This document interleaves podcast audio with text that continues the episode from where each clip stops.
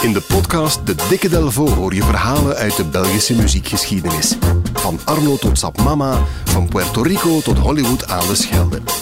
Duik mee in het rijke Belpoparchief en ontdek de verhalen achter Belgische muziekparels. Samen met Jan Delvo, onze ervaren gids.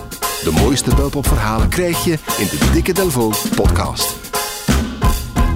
Wees gegroet, Jan Delvo, en welkom.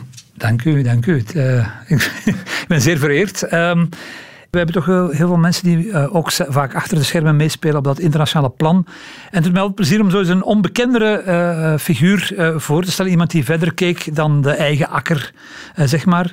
Nu, een belangrijk adres voor dat soort internationale mensen in ons land zijn de mensen van, die, die te maken hebben met Cramp Discs. Zegt ja. jou dat iets? Cramp ja, dat is een platenlabel dat ik kende, waar heel veel mooie dingen op verschenen zijn. Ja, vooral heel, ja, heel, heel internationaal. Het rekent eigenlijk, ze, ze zitten in Brussel en ze rekenen eigenlijk de hele wereld tot hun werkterrein. En de voorbije 40 jaar, want zo lang bestaat Cramped al, heeft dat tal van exotische uh, verrassingen opgeleverd. Uh, bijna altijd in de alternatieve hoek, uh, alternatieve sector. Al hebben ze ook wel een Grammy Award gewonnen, bijvoorbeeld. Voor een samenwerking van. Ken je dat Cononon numero 1? Ja, ja, zeker en vast. Dat is dat fantastisch. Zijn, ja, dat zijn eigenlijk wat straatmuzikanten uit, uit Kinshasa. Ja. En die spelen op duimpiano's en die versterken zich stemmen van die, van die, van die megafoons eigenlijk klinkt bijna techno. Je kan er echt heel veel op dansen. Nu, die hebben ooit een, nummer opgenomen met Herbie Hancock, de grote uh, jazzman eigenlijk. En dat nummer heeft toen een Grammy Award gewonnen. Ze hebben ook al drie uh, nominaties gekregen voor die Grammys met Bebel Gilberto, de Braziliaans-Amerikaanse zangeres. Dus dat soort figuren zitten daar. Nu, de interessantste ontdekking uit eigen land is deze groep.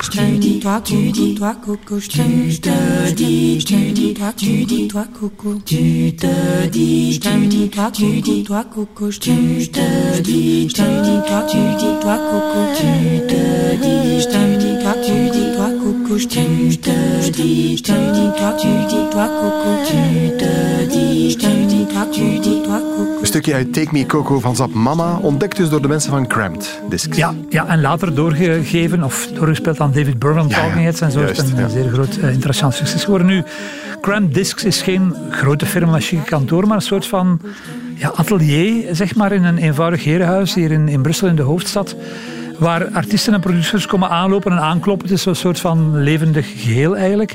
En een van die mensen van het eerste uur is Stefan Caro. En dat is de, uh, de, de fijne mens die ik vandaag wil voorstellen.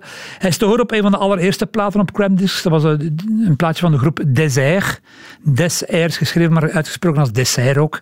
Ja, um, uh, ja heel wild aan punkje eigenlijk, maar na 40 jaar niet echt relevant meer. Maar wel belangrijk, omdat hij daar toen in zat samen met Fanchon Nuyens. En dat is de medestichter van Zap Mama. Dus ah, ja. voilà, daar voel je al zo de, zo de, soort, de erfenis en de, de, de werkmethode van, van Cramped voel je daar al een beetje in. Uh, wel belangrijk is een plaat waarop die Caro uh, de gastrummer is. Dat is een plaat uit 1981 van Minimal Compact. Dat waren mensen uit Tel Aviv en die waren in Amsterdam gaan wonen. Maar die hebben dan een plaat uitgebracht op Cramped natuurlijk. Want ja, Cramped was heel internationaal, ja. heel cosmopolitisch. En dit was het eerste bericht van die groep van Minimal Compact aan de wereld.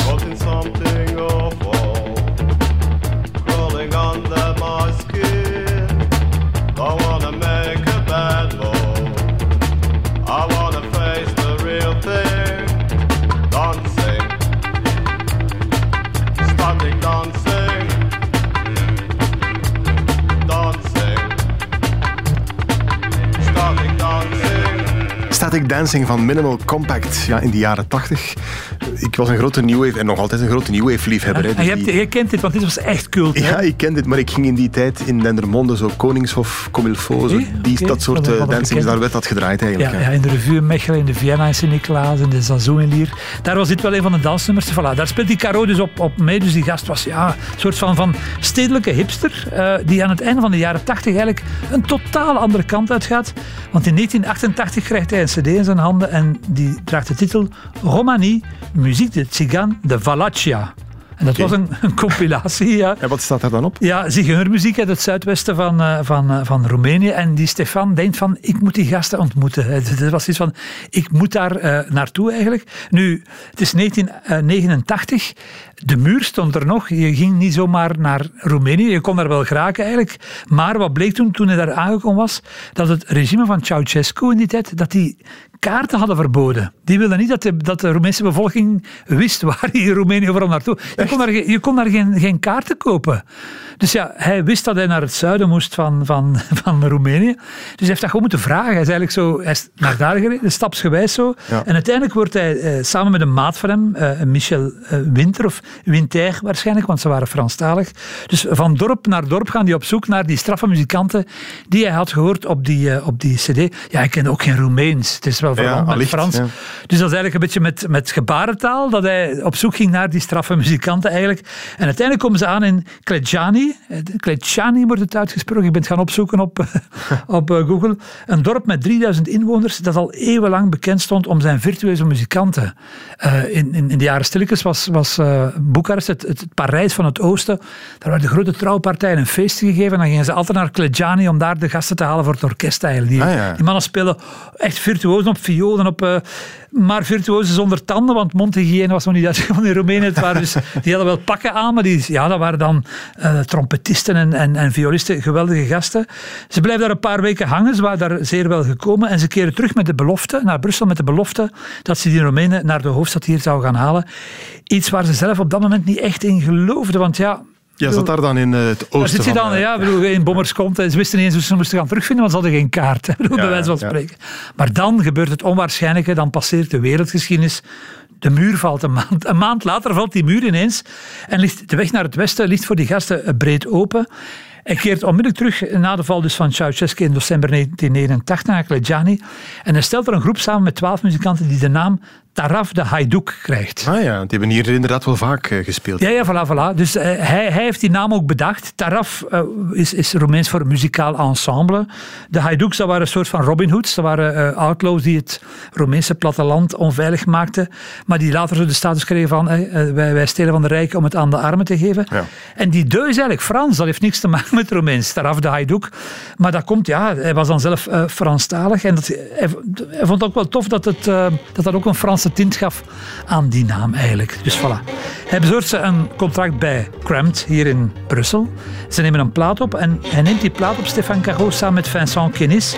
En dat is de man die op hetzelfde moment, dus op diezelfde, in het begin van de jaren 90, bezig was met, eh met Sap Mama, zat hij in de studio. Dus eh hij was eigenlijk onbewust was hij eigenlijk aan twee wereldsuccessen bezig. En uit die plaat, uit dat debuut Muziek de Tsigan de Roumanie, komt dit nummer waarvan jij de titel mag uitspreken.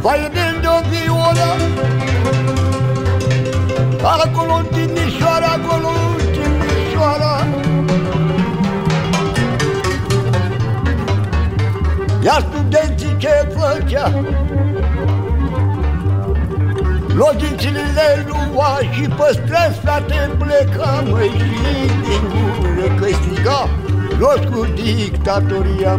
Merci Jan, ik ga het eens proberen. hè. Ballada con de Dr. Louis Perfect Romeins. van Taraf de Hajduk. Ja, het wordt echt een sprookje, dat verhaal. Eh, de- ze gaan heel veel live spelen. Dat is meteen een succes. In 92 staan ze bijvoorbeeld hoog op dat affiche van het Sphinx Festival. Daar heb ik ze ooit gezien, denk ik. Ja? Ah, dat is wel straf. Want het is wel mooi, want dat was het eerste succes uit de Balkan. Eh, want eh, in de jaren 80 stonden er op Sphinx heel veel Amerikaan, eh, Afrikaanse artiesten, soms ook al eens uit Azië. Maar Oostblok was toen nog ja, on- onbereikbaar eigenlijk. Er is mij eh, ooit verteld dat ze eh, toen ze eh, op Sphinx speelden, dat ze de dag ervoor of de dag erna op de Meijer zijn gaan spelen in Antwerpen. om in Kaswa te gaan spekken voor ze teruggingen naar, eh, naar Roemenië. Ja, Geweldig. Een, een, plezier dat pakweg Coldplay nooit is gegund eigenlijk. Hè, dat je zo eens anoniem kan gaan spelen. Dus de headliner van Sphinx stond de dag erna ergens in het shoppingcentrum, ja. shoppingcentrum van Weiningen bij wijze van spreken. Ze spelen zelfs in de Carnegie Hall in New York. Eh, ze krijgen straffe vrienden. Eh Yehudi, Yehudi eh, Menuhin, de beroemde dirigent, gaat met hen werken. Het Kronos Quartet. En dat gaat maar door. En Een hele mooie vond ik dat ze Yamamoto, de beroemde modeontwerper, vroeg of ze wou komen spelen in Parijs op zijn modeshows. En dan heeft zij, ze hebben dan nog jarenlang rondgelopen in Yamamoto. Dus ergens zo in een bled in Roemenië, waar er zo twaalf gasten die met de duurste kleren ever stonden te paraderen. Dat vonden ze natuurlijk heel, heel fijn. Eh, ze hebben ook in een aantal films meegespeeld, eh, onder andere naast Johnny Depp. En Johnny Depp die vond die mannen zo geweldig dat hij ze op zijn kosten naar L.A. heeft eh, laten overkomen. En dan hebben ze gespeeld in de Viper Room. Ja, is een van de bekendste zalen in L.A. Zeker. Maar het mooie was, ze hebben daar één avond gespeeld, maar hij had ze voor een dag of tien naar daar gehaald. Hij dacht van, ja, die gasten gaan wel wat in L.A. rondwandelen. Maar Stefan Caro zei ook van, ja, dat zijn niet meteen gasten die naar musea gaan of zo. Nee, nee, dus binnen de kortste keren zaten ze in de Titi Bars en zaten ze, waren ze nachtenlang aan het uitgaan in L.A. Maar ze hebben dan toch één keer op, op de kosten van Johnny Depp in de Viper Room eh, gespeeld. Geweldig. Stefan Caro was een beetje de dirigent van heel dat sprookjesverhaal, een beetje een steun en toeverlaat. Hij maakt acht albums met de groep ook, want hij was ook ja, muzikaal met hem bezig als, als producer. Hij heeft ook nummers uh, uh, gemaakt voor hen, heeft trompet gespeeld, drum gespeeld ja, een steun en toeverlaat, zoals ik al zei. En hij wordt ook zelf ook helemaal tsigan eigenlijk. Dus hij drinkt flink, hij rookt zwaar. En hij huwt met Margaretha, een familielid van de Tarafs. Dus hij wordt eigenlijk een soort van halve uh, Roemeen. Ja. Hij had uh, die, die uh, Margaretha ontmoet bij zijn eerste reis trouwens, toen in 1989. Liefde op het eerste gezicht. Dus Stefan Caro was Belg, maar ook zigeuner tegelijkertijd tijdens de jaren 90 is dat ja, elke dag feest. Hè. Gezellige chaos met de bus opstappen. Met je René Gresvert, ken je die nog? Zeker, dat was een beetje ja, dat verhaal, dat gevoel eigenlijk. Zoals later de Buena Vista Social Club.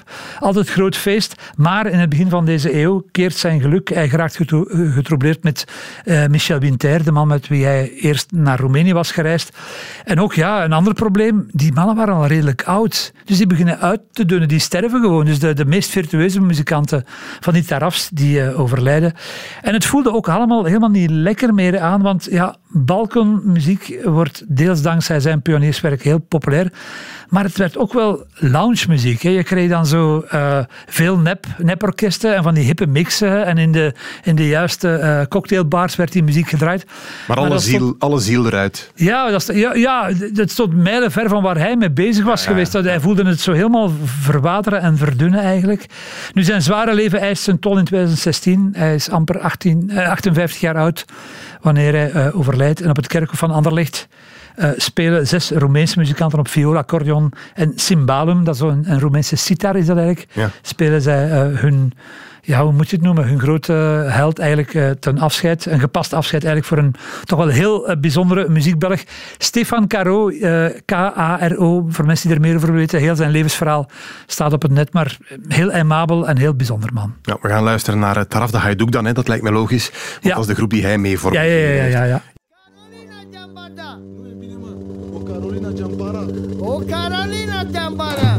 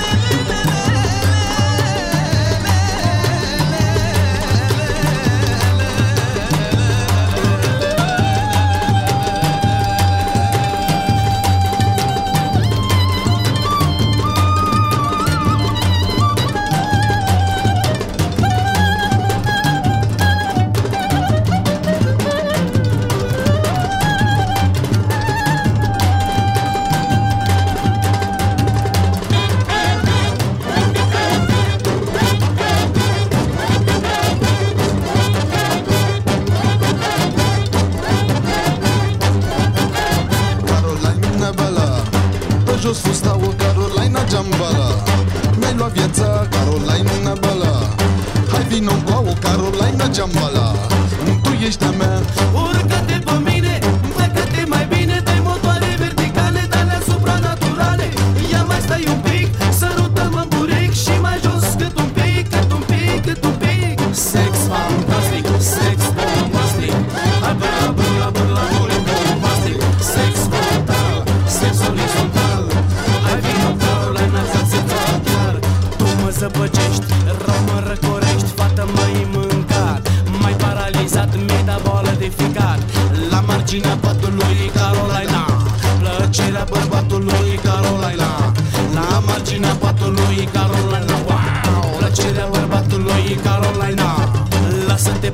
Hai să rupem într-o parte bagălii